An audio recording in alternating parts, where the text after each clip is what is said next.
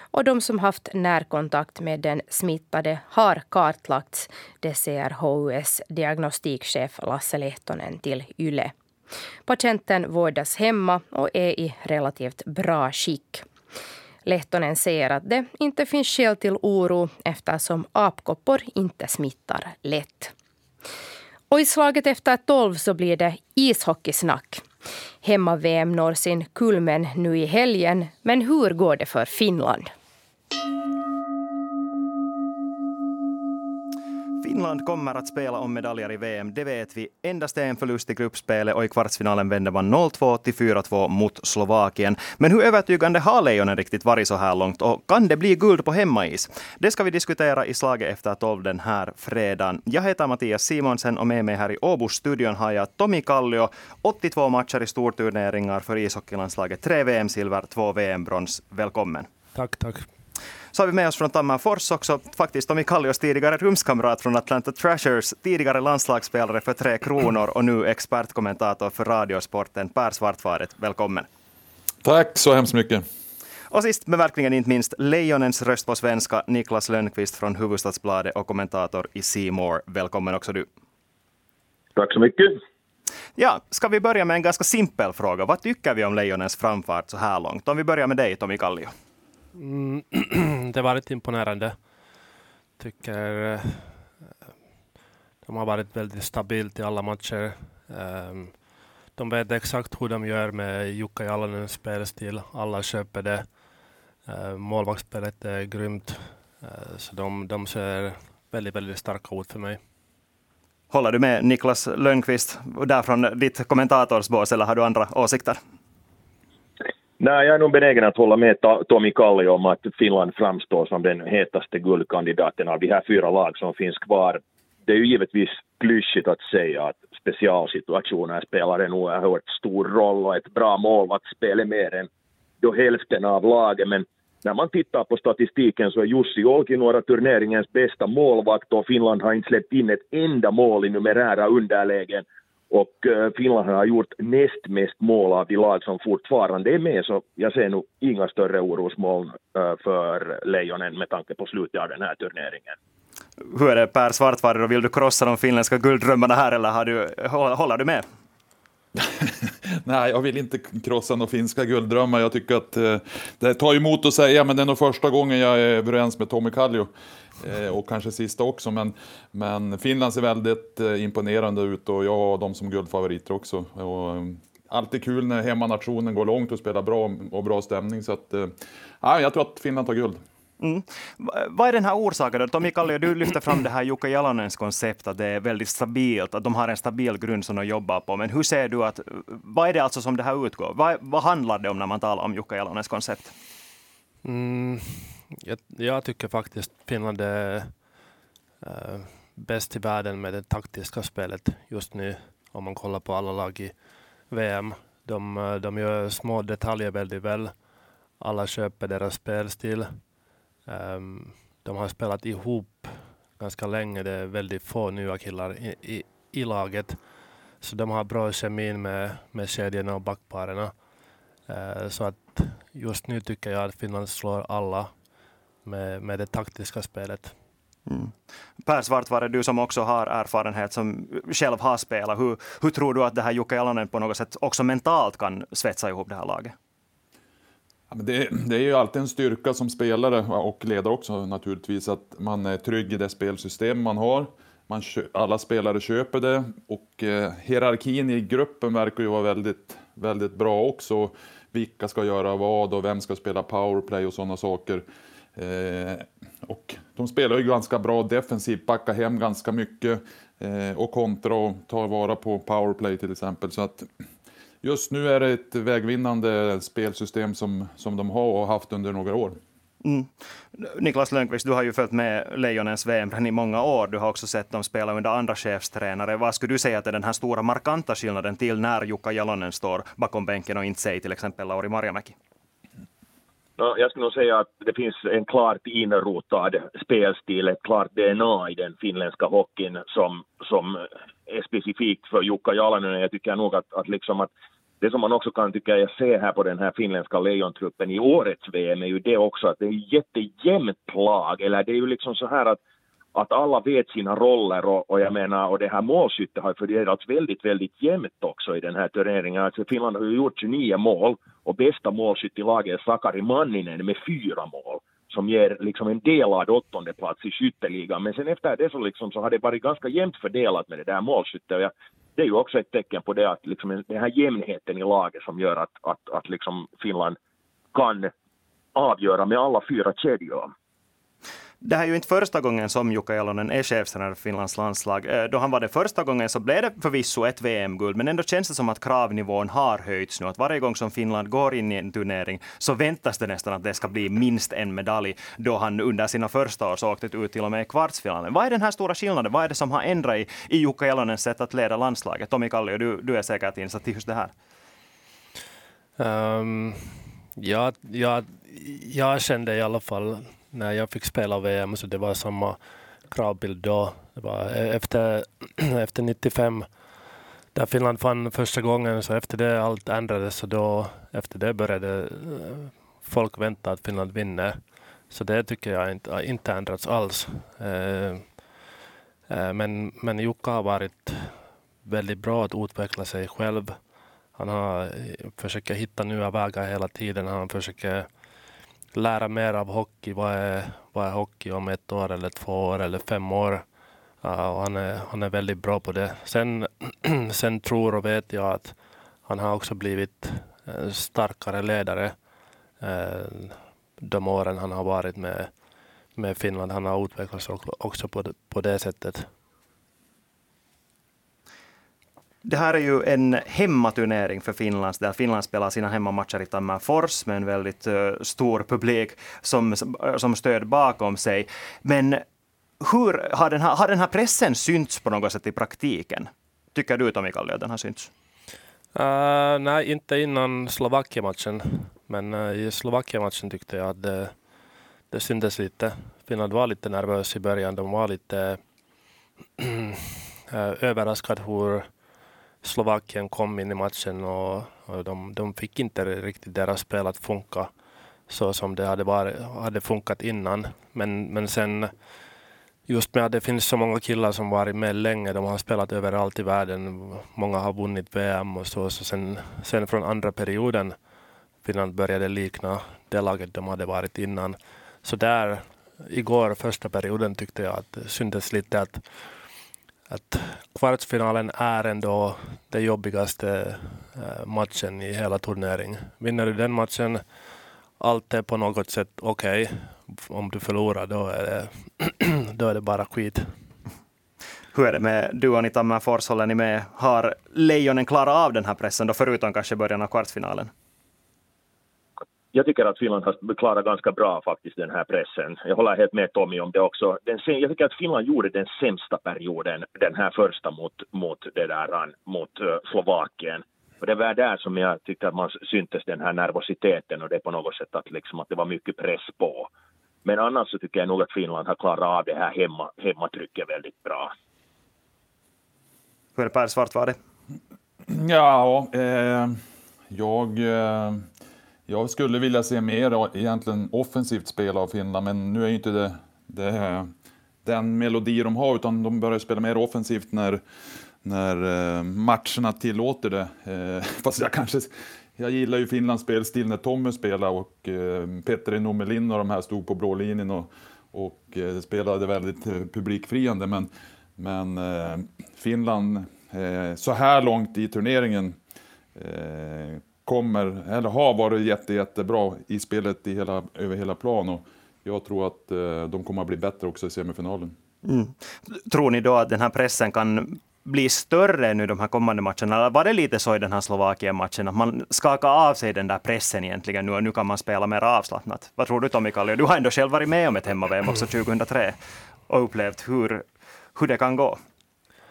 Nej, men oavsett om det är hemma eller borta VM så, så den här matchen, kvartsfinalen, är den jobbigaste matchen. Du måste på något sätt bara vinna den matchen. Oavsett hur, hur du spelar, du måste vinna den matchen. Uh, och, och, speciellt igår mot Slovakien som är, som är inte den kanske största favoriten att vinna VM, så det var, det var bara att vinna den matchen. Eh, sen, sen final och final är det är lite enklare att spela de matcherna. Du vet att du spelar om medaljer och, och det är ändå okej. Okay. Så att jag, jag tror gårdagens match var det, det svåraste för Finland. Per Svartvare, du har ju spelat VM i Finland för Tre Kronor. Hur upplevde du själv att var det på något sätt svårare att möta Finland i och med att Finland hade det där hemmastödet eller påverkade det överhuvudtaget?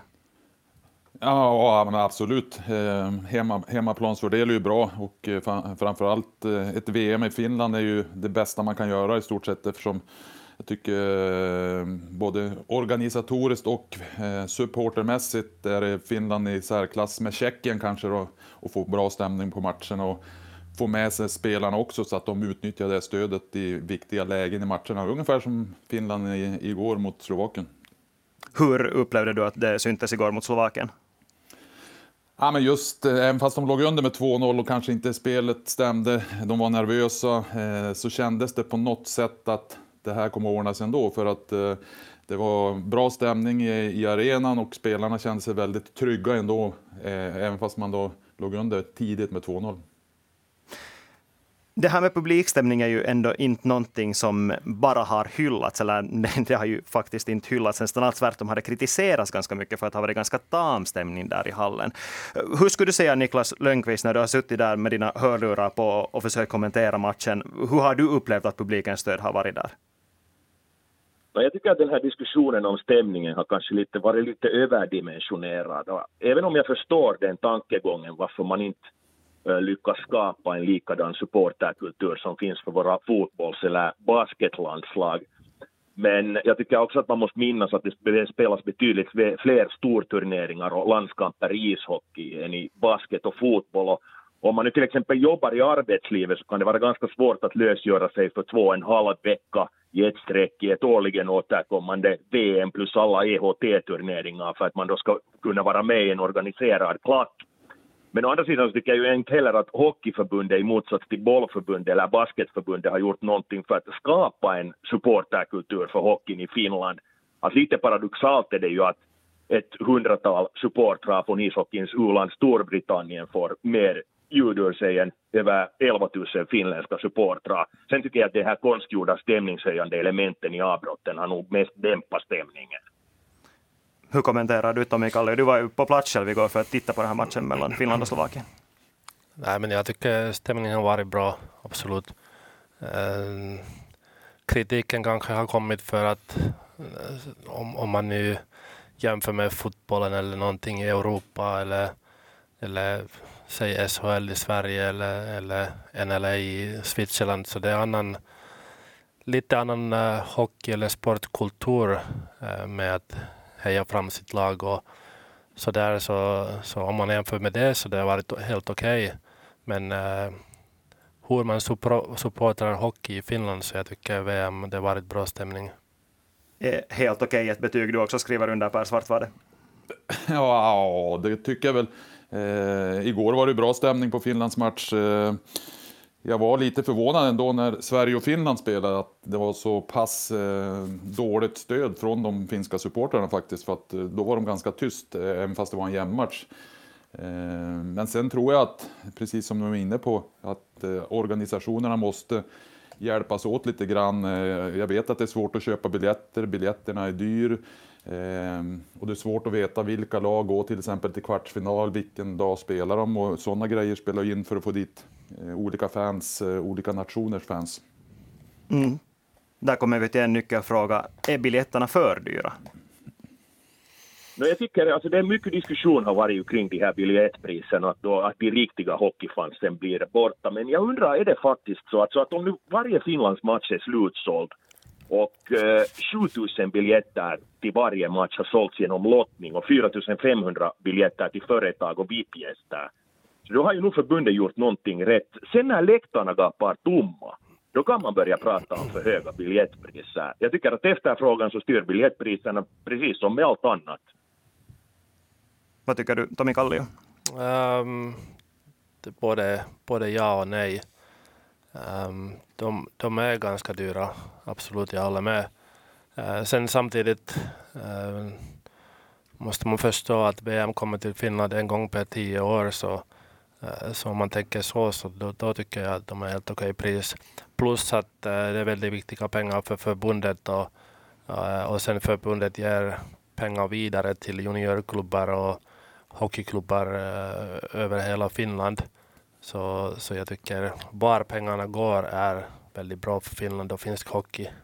Mm. Harry Nummela, ishockeyförbundets eh, ordförande, berättade här tidigare för Iltasen om att man uppskattar inkomster på 5 till 10 miljoner euro bara för att arrangera VM. Men hur, eh, Per Svartvar, du som ändå har upplevt också hockeykulturen i Sverige, som ändå är annorlunda? Hur, hur skulle du säga, liksom, är det där att sänka biljettpriserna till exempel ett sätt att få lite annorlunda stämning i hallen, om vi säger som så? Nej, det är ju alltid, egentligen är det ju marknaden som styr. Är det slutsålt så är väl biljettpriserna på rätt nivå, men det gäller ju kanske att få dit eh, rätt typ av eh, supportrar som eh, har vågat skrika, heja och lyfta fram sitt lag. Eh, I eh, Sverige till exempel är det mycket i SHL är det mycket beroende av hur stor eh, supporterklack, alltså som är ver verkligen sådana här die hard fans som som eh, skapar den här stämningen. Och, eh, det är väl kanske det man måste få till, ungefär som med fotbollen. Ha de här VM-byarna med olika nationers eh, supportrar som fixar den här stämningen. Tommy Kallio? Ja, nej, jag tänkte bara säga att jag tycker matchtiderna har varit eh, sådär. Och speciellt om man tänker på unga, eh, unga eller barn. Eh, så, så Finland har spelat i stort sett alla matcher 2020. Och det, det är ingen, ingen bra tid om du är ung, ung barn. Eh, så det blir svårt att komma till Tammerfors och matchen slutar lite innan elva. Om det är veckodag också så då hade skolan nästa dag. Så de, eh, den tiden har varit väldigt sådär tycker jag. Matchprogram är någonting som det har talats om i Sverige och då är det kanske dags att för det första ge ett betyg åt Tre Kronor som åkte ut i kvartsfinalen, gjorde kanske lite motsatt som Finland, ledde med 3-0 inför den sista perioden mot Kanada, tappade sen till 3-4 efter förlängning. Varför gick det så här? Om vi börjar med dig Per Svartvad.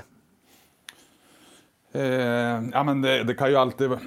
Alltså när det är en match eh, som det gäller som en kvartsfinal kan ju naturligtvis allting hända, men när man får den start man fick och eh, sen börjar nerverna spela in och de ledande spelarna i den gruppen som Tre Kronor hade i år eh, är de som tar dåliga beslut i slutet av matchen och, och eh, det blir ödesdigert. I övrigt tycker jag att Tre Kronor, eh, till skillnad mot eh, år innan, spelade en helt okej okay turnering. Jag tycker de hade bra målvaktssida och bra backsida. Det är väl forward som var lite Eh, kanske inte så bra offensivt, men annars tycker jag de gjorde en bra turnering. Men just, ska du vinna mästerskap, ska du vinna de här eh, viktiga matcherna, då måste bästa spelarna vara som bäst när det gäller och det var inte till Kronors. Nu var det här ju ändå, eller det kommer att gå så att det här blir den fjärde stora mästerskapsturneringen på raken där Sverige inte tar en medalj. Det är första gången sedan 1930-talet som det händer. Ska tränare Johan Garpelöv också bära en skuld för det här? Eh, ja, det tycker jag absolut. Han är ju ytterst, ytterst ansvarig för just eh, laget och VM och uttagningar. Eh, men sen är det svenska hockeyförbundet, till skillnad mot Finlands, Sverige har inte hockeyintresserade människor längst upp i ledningen som tar de här bra sportsliga besluten. Man har tappat på junior-VM, juniorsidan. Man har tappat på damsidan. Och även nu på herrsidan, till skillnad mot Finland som, som gått framåt i junior-VM och damsidan och framförallt eh, herrsidan. Så att eh, Sverige har mycket att lära av Finland och mycket att ta tag i inför kommande säsonger. Håller du Niklas Lönnqvist med om den här analysen eller har du andra iakttagelser från läktarplats? No, för mig så framstår nog Sverige som turneringens stora besvikelse. Jag, det var väldigt förvånande här hur laget kunde släppa in två mål under den här ordinarie matchtidens näst sista minut. Och Sverige har ju alltid för mig åtminstone gjort sig känt som ett lag som är expert på att kunna knyta säcken när man leder matchen, framförallt i den tredje perioden. Och sen trodde jag nog att Sverige skulle vara Finlands hetaste konkurrent om guldet efter att då Linus Ullmark och William Nylander anslöt sig till truppen. Uh, sen när det gäller Johan Garpenlöv så, så, det där, så, så jag, hans tid i Tre Kronor har ju varit tung och han går ju till historien som den förbundskapten med ett facit som är då lika med noll. Men vad jag har förstått så har ju Garpenlöv ändå varit rätt populär bland spelarna och det, åtminstone när man läser intervjuerna efter den här kvartsfinalmatchen som slutade i förlust. Sen fick ju Garpenlöv utstå ganska mycket kritik om frågan om det här med läge med i NHL. Jag tycker ändå att han gjorde helt rätt med att se hur läget i NHL är där och vänta på de spelarna som eventuellt är tillgängliga. Det här var helt ett struntprat om det här att spelarna, de svenska spelarna skulle ha blivit trötta under turneringen när man då i början spelade med mest med tre kedjor. Jag tycker inte att Sverige föll på att orken skulle ha sina. Tommy Kallio, du arbetar numera som scout. Håller du med om de här dystra framtidsutsikterna att Sverige har tappat på framförallt när vi talar om unga talanger? Um, ja, alltså jag tycker ändå Sverige, Sverige gör bra jobb med att utveckla unga spelare. Eh, det kommer en del bra spelare igen eh, till draften i år. Eh, så att det kommer fram fortfarande många bra spelare från juniorsidan. Men sen, sen det där var Per sa att, att de har tappat i J20-VM och nu också här i Finland med mäns lag. Eh, och, och, min känsla är att de har tappat lite deras identitet. Jag vet inte riktigt vad Sverige är längre, eh, om, man, om man är riktig. Eh, innan man kände igen att Sverige var väldigt bra taktiskt. De hade såklart William Nylander och sådana killar som har det här extra skill och som kan avgöra matcher. Dalin och Ekman Larsson och, och vidare. Men framförallt de var ett lag som spelade för, för varandra, som spelade för Sverige. Och nu tyckte jag när jag ser Sverige så de kan göra en bra period och spela så och sen andra perioden kanske något helt annat, tredje något helt annat. Så, eh, så jag, är, jag är lite förvånad vad har hänt med Sverige. Nu är det Sam Hallam som kommer att ta över Per Svartvare. Är han rätt person att göra det? Det är han som kan skapa den här svenska hockeyidentiteten på nytt. Ja, men det tror jag verkligen att han kan. Eh, nu kan ju inte han ändra på allting inom svensk ishockey, men, men i det korta perspektivet för Tre Kronor och Sverige i VM-turneringar tror jag att han är helt rätt. Och jag varit ganska förvånad faktiskt att, att eh, förbundet lyckas knyta till sig honom, för att han är ganska, han har bra resultat i SHL. Jag, jag trodde att han ville eh, göra någonting annat, för eh, att vara förbundskapten för Sverige är just nu har varit en lång tid inte det hetaste jobbet om man är tränare i Sverige. Så att, eh, det var en bra rekrytering av Svenska ishockeyförbundet och jag tror att han är rätt man. Med det sagt är inte att framgångarna kommer ändå så här direkt till nästa VM.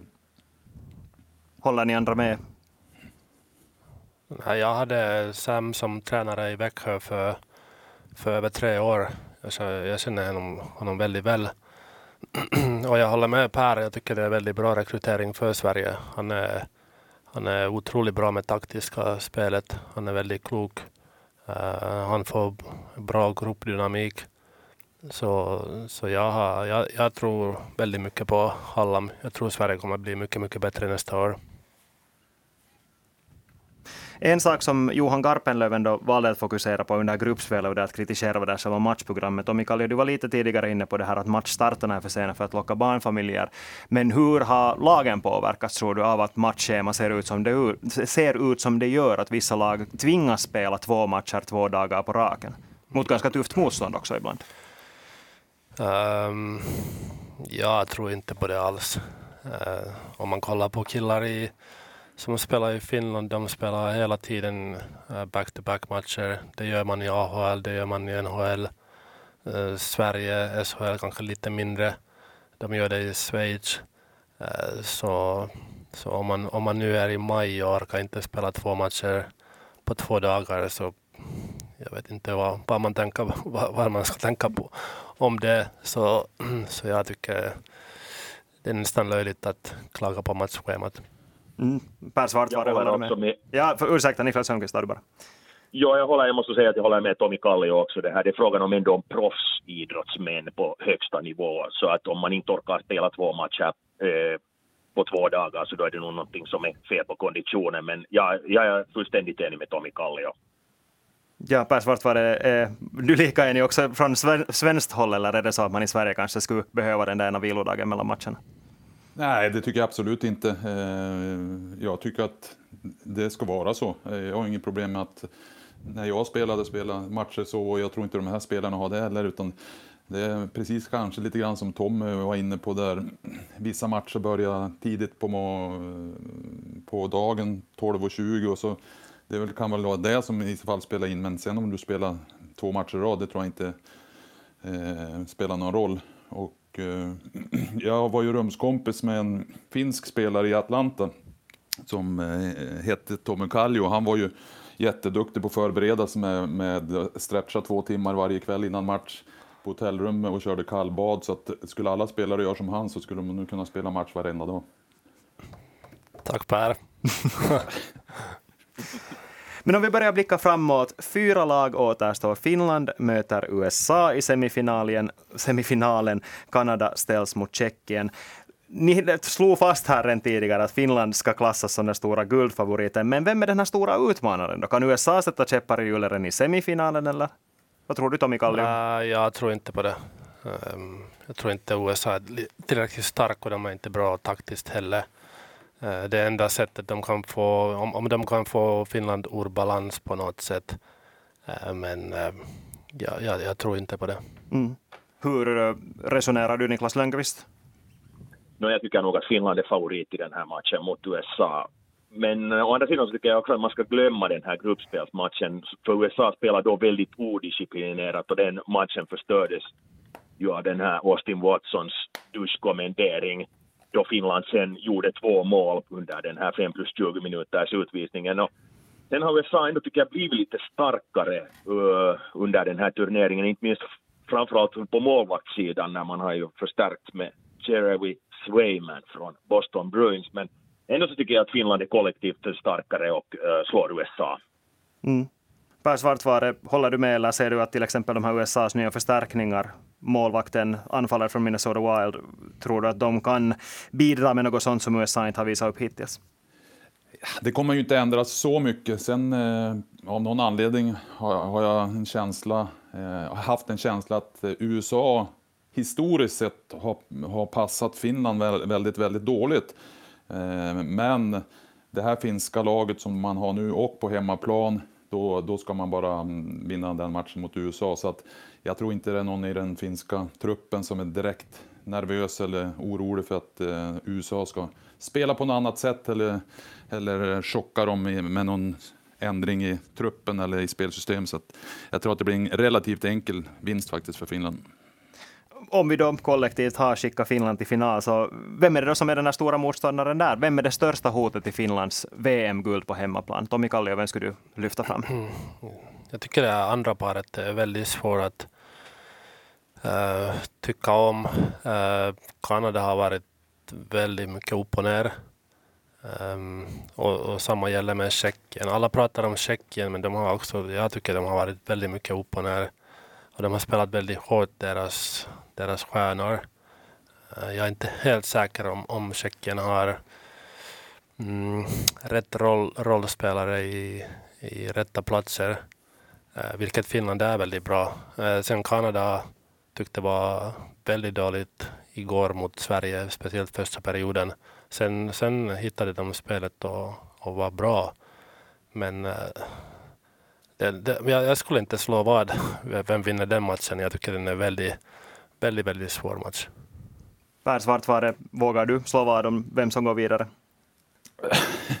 ja, det beror på hur mycket vi ska slå av dem, men, men eh, Kanada visar ju alltid en styrka i sådana här matcher, eh, historiskt sett också. Och eh, det var väl där de hittade någonstans den här mentaliteten som framförallt nordamerikanska spelare har med sig från eh, tidig ålder, att tävla och ta chansen in i det sista. Så att, eh, det enda som egentligen kan hota Kanada från att gå till final det är väl eh, David eh, Pasternak som, som kanske just nu är den största stjärnan här på VM från NHL. Och han kan ju avgöra sådana matcher om han nu orkar spela så mycket som han bör göra. Niklas Lönnqvist, är du för Tjeckien eller Kanada?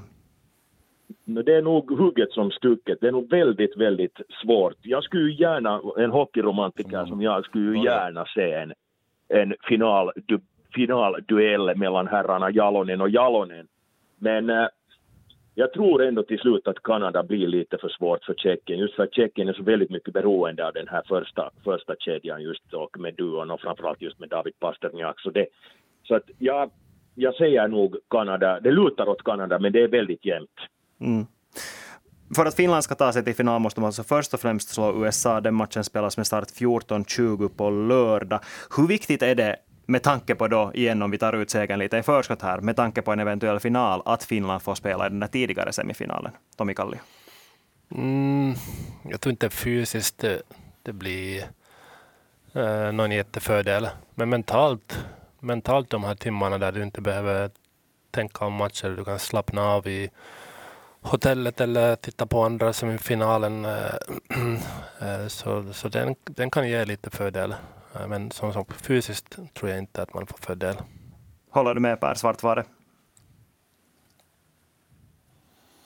Uh, ja, än en gång uh, måste jag hålla med Tommy för att det, alltså timmar hit eller dit spelar egentligen ingen roll. Det, det, det är större, det, det beror mer på hur matchbilden blir, om det blir en tuff match och du coachar och matchar vissa spelare väldigt, väldigt hårt i en match.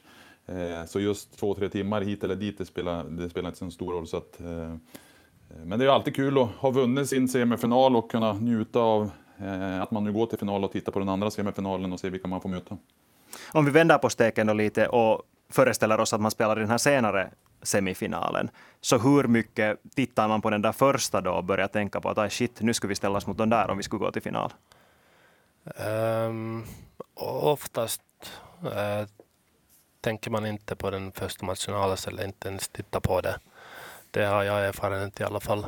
Eh, mer att eh, såklart man får veta vem, vem som gick final och vem förlorade men, men eh, man, man, man fokuserar på sitt eget spel som är senare. Så det, det är lite annan, annan sak om du spelar på kvällen.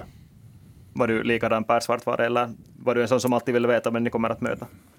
Eh, man är, jag hade väl inget problem att eh, kunna ligga och titta på den matchen om den sändes på tv när, eh, när man laddade upp så. Eh, men eh, men det är ju inte, det är inte så att man ligger slaviskt och tittar på matchen och, och eh, hur det går. Men, men det är väl klart att man vill veta resultatet, hur det gick när man själv kommer till eh, arenan och ska spela sin semifinal.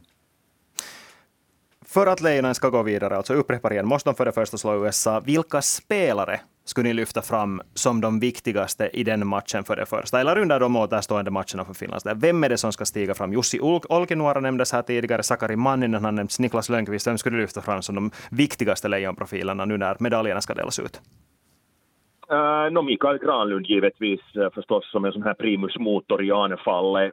Sen tycker jag att Miro Heiskanen skulle kanske kunna stiga fram lite mera. Jag tycker inte han riktigt har levt upp till de förväntningar som har ställts på honom. Jag menar, han åker elegant på isen och gör smarta drag, men har ändå inte upp, nått upp till den nivån som han har presterat i Dallas. Så jag skulle vilja se mer av Miro Heiskanen i den här turneringen. Men Mikael Granlund givetvis, Mikko Lehtonen i försvaret, det är några namn som man kan lyfta fram. Mm. Per Svartvare, vilka ska du fokusera på? Eh, ja, men det, alla ser, har väl sett det de senaste säsongerna. Det är ju Antila. Eh, hade inte han varit med hade det liksom inte blivit någonting. Så att jag, jag tar verkligen eh, Antila. Han, han kliver fram när det behövs. Han är stor, han är stark, han håller pucken. Finland får långa anfall. Eh, och alla verkar eh, älska just Antila och tyckte det var stort ledarskap av han när han eh, kom med öppet mål och kan göra hattrick på hemma-VM i en sån fin match som kvartsfinal och när han passar över till en kompis. Eh, det gillar jag verkligen. Så att, eh, jag tror att Antila kommer att vara avgörande eh, när, att Finland tar VM-guld. Mm. No, Tommy Kallio, då, om det inte Mikael Granlund, inte Miro Heiskanen eller inte Marko Antila, vem tror du då att kan stiga fram? Um, jag tycker så här, under Jukka Jalanens uh, era som, som tränare, så jag tycker det handlar inte om individer alls när man pratar om Finland. Det, eh, som, som, som sades att Miro Heiskanen kanske borde lyfta Men eh, jag tycker det handlar inte om det. De spelar en sån system där det blir att eh, någon kanske lyfts fram som Antila igår gjorde två mål och två plus ett. Eh, men för Finland, varför de är eh, framgångsrika är att det är inte individen, det är laget verkligen.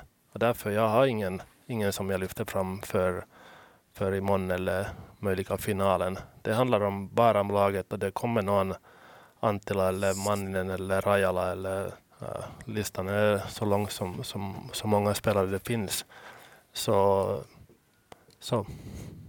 Kan det här då vara ett problem också för, om vi tar nu till exempel de här stora individuellt skickliga spelarna som just Mikael Granlund och Heiskanen, kan det vara svårt för dem att anpassa sig till ett sånt här system när du på något sätt tas ner från att ha lyfts upp på, från ett kärntal till att vara en del av bara laget? Såklart, men det, det tror jag är Jukka Jalanens eh, styrka. Jag tror att han, han får alla förstå att, att uh, vi vet din individuella skill skillar vad du, vad du kan göra, men du måste göra dem in i, in i systemet. Om du kan göra det så fine, om inte så det räcker att du gör, du spelar som vi, som vår plan är. Och jag tror att den, den diskussionen de går igenom uh, innan, innan Jukka tar in killarna från NHL, att de är verkligen villiga att köpa systemet och lägga egen ego vid sidan. Och där, där tror jag finns en stor, stor orsaken varför Finland har varit framgångsrik under Jukka Jalonens tid och, och är det just nu också. Finland spelar alltså mot USA med start klockan 14.20. Om man vill följa med den här matchen på Yles sajt så går det att göra i en liveblogg på Ylesportens webbplats. Här är det dags att sätta punkt för den här diskussionen. Jag tackar Tommy Kallio, Per Svartfade och Niklas Lönnqvist för att ni tog del av den här diskussionen om hockey -VM. Jag heter Mattias Simonsen.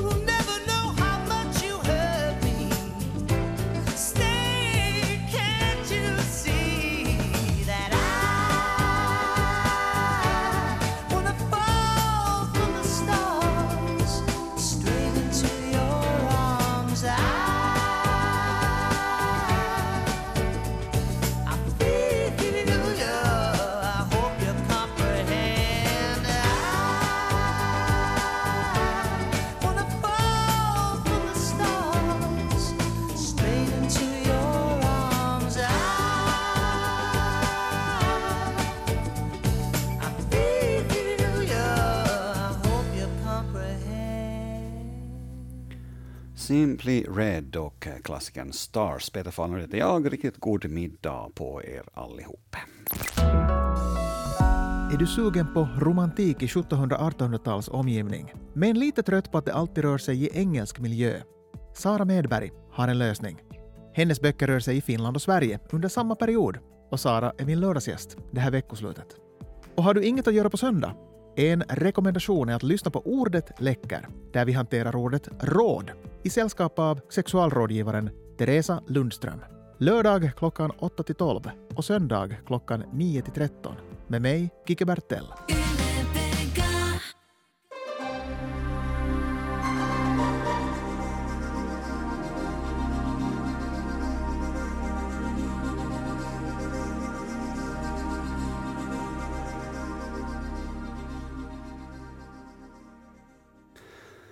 Och eh, så går klockan då så sakteliga mot exakt eh, 12.45, vilket betyder att eh, vi har fått tid för den långa väderöversikten.